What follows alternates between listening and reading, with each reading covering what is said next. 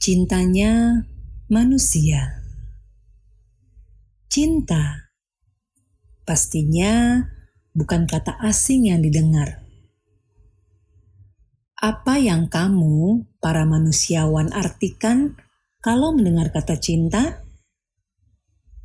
Ketemu lagi dengan saya, Imarani, di podcastnya Manusia, yang akan sedikit sharing ringan, santai, tapi berisi.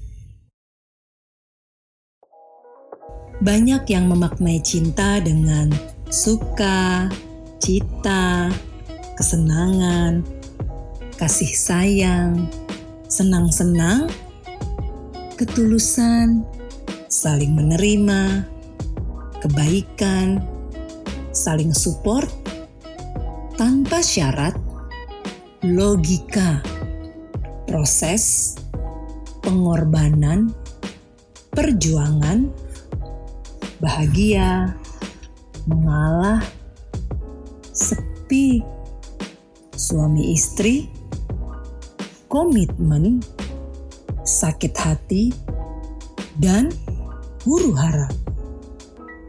Wow, ada yang bilang huru hara ternyata. Karena cinta itu ternyata tak terlihat, namun bisa dirasakan cinta bisa bersaing, menyakiti, beracun, bahkan membunuh. Ya Tuhan, emang cinta harus ada alasan ya? Hmm, beberapa waktu lalu sempat ada yang bilang dan viral Jangan jadikan kesepian sebagai alasan untuk jatuh cinta. Karena teramat banyak yang telah berulang kali jatuh cinta, tapi masih merasa kesepian. Dan yang pasti, kenapa banyak orang yang masih melajang? Karena ada nama yang tertulis di hati, tapi tak bisa tertulis di buku nikah. Oh, tapi ada pendapat juga yang bilang cinta itu harus memiliki. Ada yang bilang cinta itu berarti melepaskan orang yang kita sayangi untuk bahagia bersama orang lain. Masa sih? Cinta. Manusia hidup penuh dengan cinta. Cinta adalah kasih sayang dari seseorang kepada orang lain. Dari kata-kata cinta dijelaskan Cinta yang sesungguhnya selalu menempatkan kebahagiaan orang yang dicinta lebih utama daripada kebahagiaan diri sendiri. Arti cinta sejati adalah ketulusan. Cinta merupakan sekumpulan emosi serta perilaku yang ditandai dengan adanya keintiman, gairah, serta komitmen. Cinta akan melibatkan perhatian, kedekatan, perlindungan, daya tarik, kasih sayang, dan kepercayaan. Perasaan cinta dapat muncul karena adanya dorongan biologis serta pengaruh budaya. Dorongan biologis membuat seseorang dapat mengalami serta mengekspresikannya. Dicintai merupakan suatu hal yang ingin dirasakan oleh semua orang. Hal ini dikarenakan cinta memiliki banyak manfaat, baik untuk kesehatan fisik serta mental. Orang yang merasa dirinya dicintai akan mendapatkan keuntungan mental, emosional, serta sosial.